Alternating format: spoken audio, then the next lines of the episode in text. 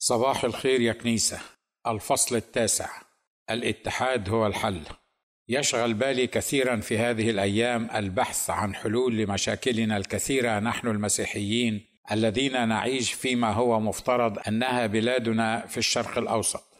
ومن الواضح أن مشاكل الإنسان كل إنسان تزداد بمرور الأيام ولا سيما مشاكل الشرق أوسطيين وتحديدا مشاكلنا نحن المسيحيين الشرق أوسطيين. فتارة أرى أن الحب هو الحل كما كتبت في مقال سابق تحت هذا العنوان. فنبذ التعصب والكراهية والحقد والضغينة لهو اقصر الطرق وأنجحها في التغلب على عدوان الناس وإرهابهم بعضهم لبعض. لكن ماذا يفعل الحب بمفرده إن لم تسانده وتزوده وتجسده آيات بينات من عند المولى؟ تبارك اسمه وأحاديث ووصايا وحكم وأمثال تحض على الحب. ماذا يفعل الحب وحده وكيف نأتي به إن لم يسكبه الخالق في قلوبنا؟ فنحب بعضنا بعضا من قلب طاهر وبشدة.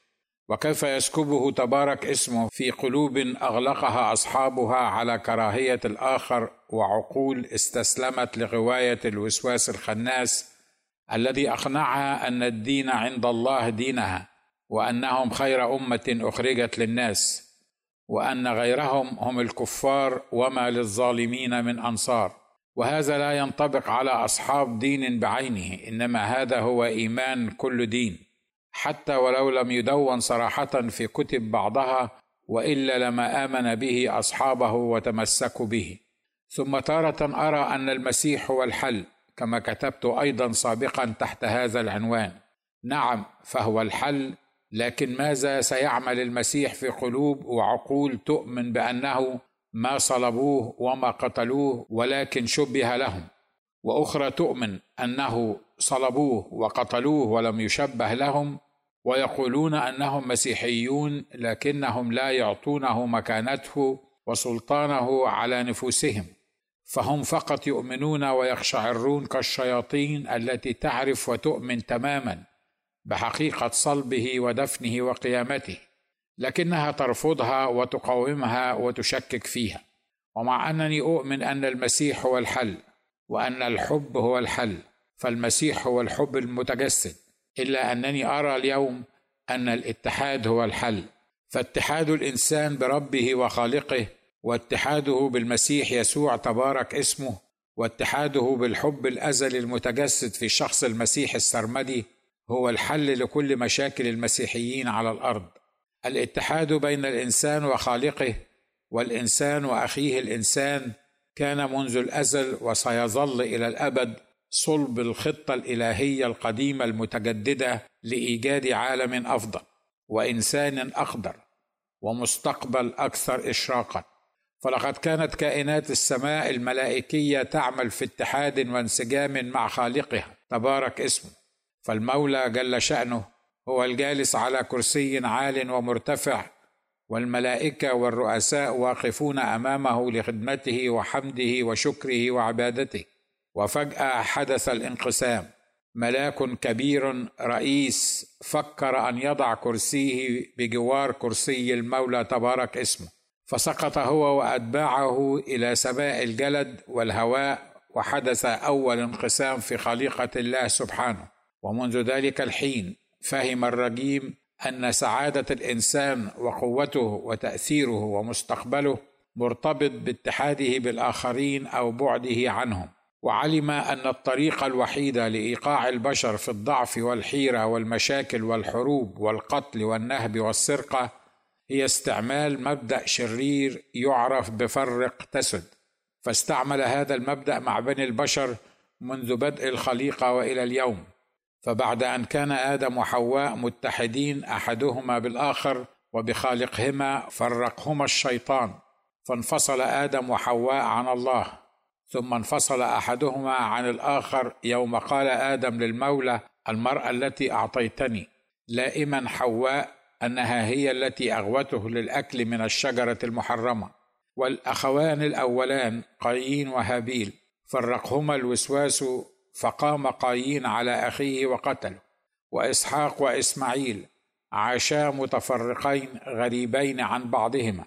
بعد أن طرد إبراهيم الجارية المصرية هاجر وابنها ويعقوب وعيسو فرقهما الخناس وكاد أحدهما أن يقتل الآخر ويوسف وإخوته وحتى في العهد الجديد الكنيسة الأولى الجيش المرهب بألوية بعد أن كانت هيبة الله عليهم وما كانوا يحلونه على الأرض يكون محلولا في السماء وما كانوا يربطونه في الأرض يكون مربوطا في السماء أصبح فريق منهم يقول أنا لبولس وأنا لأبولس وأنا لصفا وأنا للمسيح. وفي أيامنا هذه الغبراء نرى الكنيسة التي اقتناها المسيح بدمه أصبحت مذاهب وطقوس وعقائد ومللا ونحلا وطوائف. فالكنيسة في أمريكا أشبه ما تكون بالمؤسسة التجارية المبنية على جمع الأموال واستخدامها فيما ينفع وما لا ينفع جسد المسيح في شيء.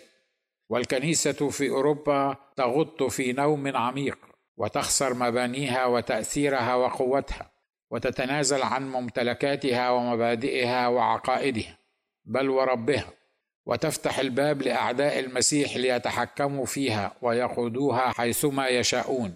والكنيسة في الشرق الأوسط مغلوبة على أمرها استسلمت لروح ضد المسيح فتفرقت وتفتتت بين إنجيلي وارثوذكسي وكاثوليكي ثم إلى مذاهب وطوائف إنجيلية وطوائف أرثوذكسية وكاثوليكية وانقسمت الكنيسة الجامعة الرسولية على بعضها ونجحت خطة الوسواس الخناس في تفتيت الكنيسة واستعمل في ذلك كل الطرق والوسائل استعمل سلاح الخوف والتخويف وسلاح الغي والكذب والتضليل وسلاح الرياسات وحب التسلط والتملك وحكم الغير ثم سلاح الانحلال الخلقي والأدبي والجشع وحب المال. فاختفت البقية التقية الأمينة التي كنا نشكر الله على وجودها وتراجعت عن الوصول للعالم أجمع والكرازة بالإنجيل للخليقة كما أوصاها إلهها سيد الخلق ورب المرسلين. لقد فطنت حكومات الأرض وأنظمتها البوليسية إلى سياسة فرق تسد وتفننت في تفتيت الجماعات والاتحادات والروابط إلى كيانات صغيرة متناحرة واختفت هي عن المشهد وكأنها لا ذنب لها ولا حول ولا قوة فيما يحدث في الكنيسة اليوم. لذلك فالحكومات في الشرق الأوسط لا تخاف الكنيسة ولا المسيحيين. ولا تضعهم في حسابها في أي قرارات أو خطط واعتبارات. فمسيحي مصر وحدها يمكنهم أن يكونوا دولة قائمة بذاتها يفوق تعدادها تعداد السكان في الأردن أو الكويت أو ليبيا أو الإمارات وغيرها. ومع ذلك تتردى حالتهم يوما بعد يوم والكل يتربص بهم.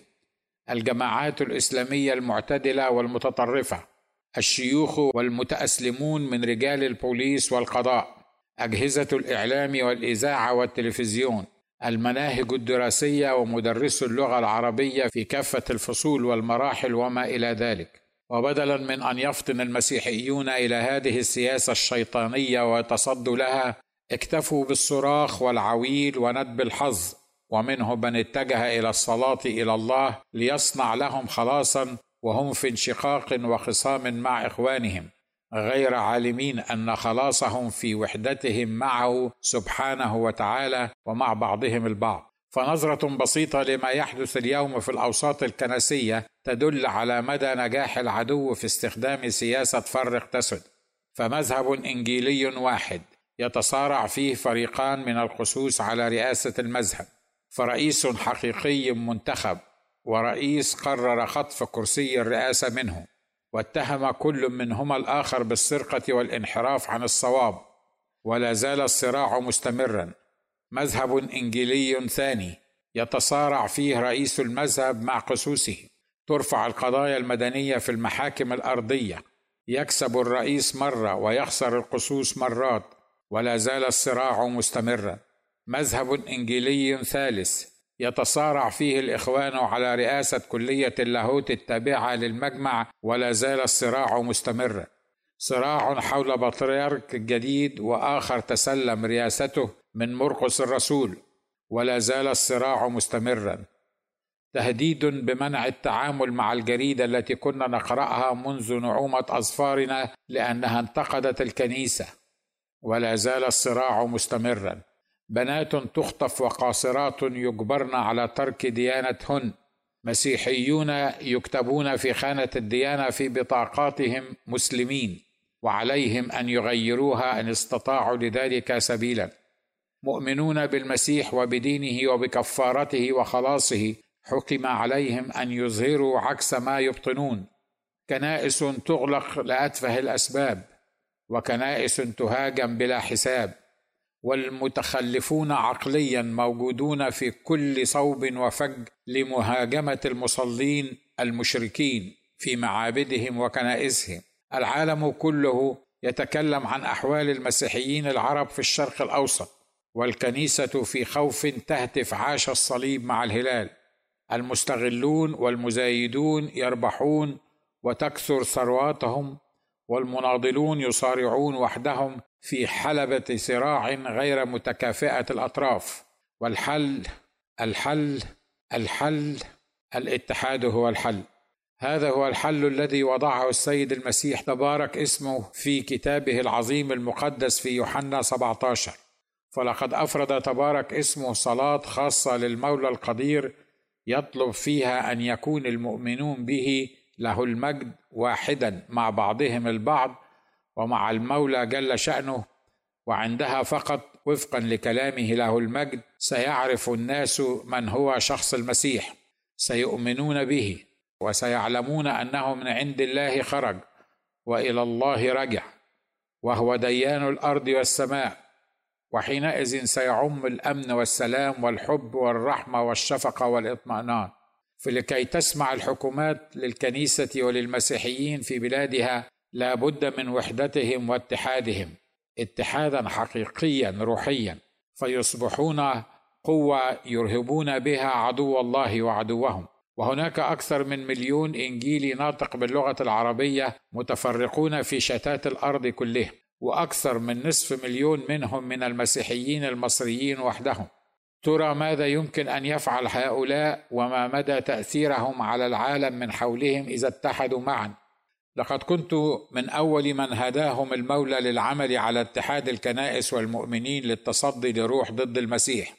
فلقد وهبنا القدير تبارك اسمه مجموعة من الإخوة والأخوات وأنا أن نؤسس اتحاد الشباب المسيحي المصري ثم الدولي لخدمة الإخوة العرب على اختلاف طوائفهم وكنائسهم وجنسياتهم ودياناتهم. لاننا نؤمن أن لله مختارين من كل قبيلة وشعب ولسان. اتحدنا معا فأوصلنا رسالة المسيح إلى أقصى الأرض. لم نحتج أن نهدد احدا أو أن نرهب احدا. لم نحتج أن نقنع احدا بأن يفجر نفسه للدفاع عن حق الله في الأرض. لم نحتج أن نجبر الناس على قبول المسيح والمسيحية كديانة لهم. لكن كل ما عملنا أننا اتحدنا بإخلاص وتواضع وحب لخليقة المولى تبارك اسمه دون النظر إلى لون أو دين أو عقيدة. فانجذب الناس لشخص المسيح الذي فينا. ورأينا الناس يدخلون في دين الله افواجا.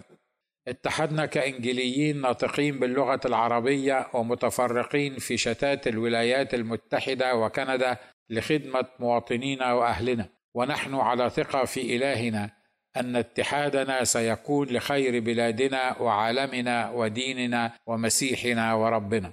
ونحن على استعداد كاتحاد الكنائس الإنجيلية الشرق أوسطية بأمريكا الشمالية أن نمد يد العون والتعضيد لكل الباحثين عن الحق والعاملين على مرضاة الله والوقوف خلف بلادنا في سرائها وضرائها. نحن على استعداد أن نتعاون مع الرؤساء والحكومات ونساند كل حركة للبناء والتعمير وعمل الخير.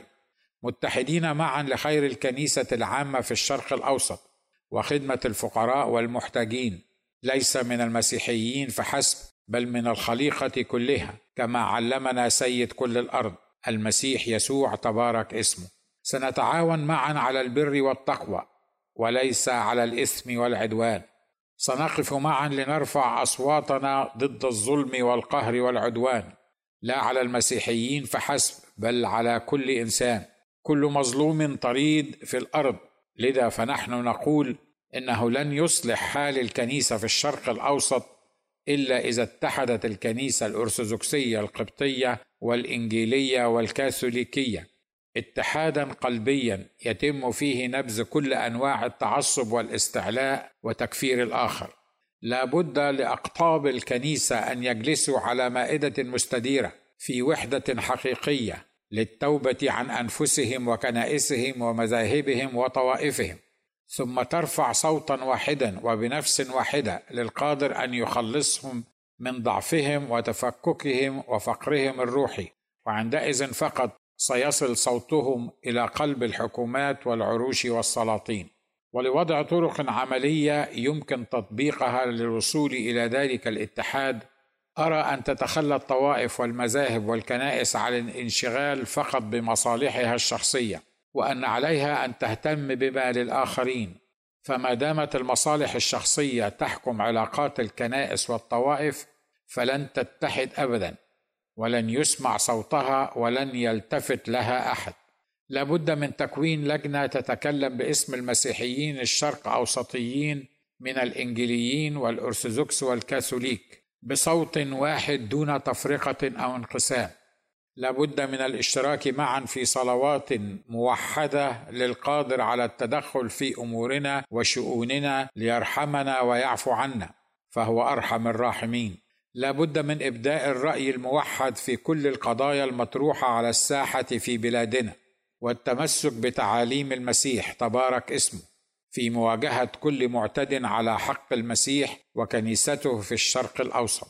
لابد من تعليم أولادنا أن دم الشهداء هو الوسيلة الأكيدة لنشر الحق حق المسيح في هذه البلاد. باتحاد الكنيسة معا ستستخدم كل الإمكانيات لعمل المستحيل لحل مشاكل المسيحيين والله المستعان.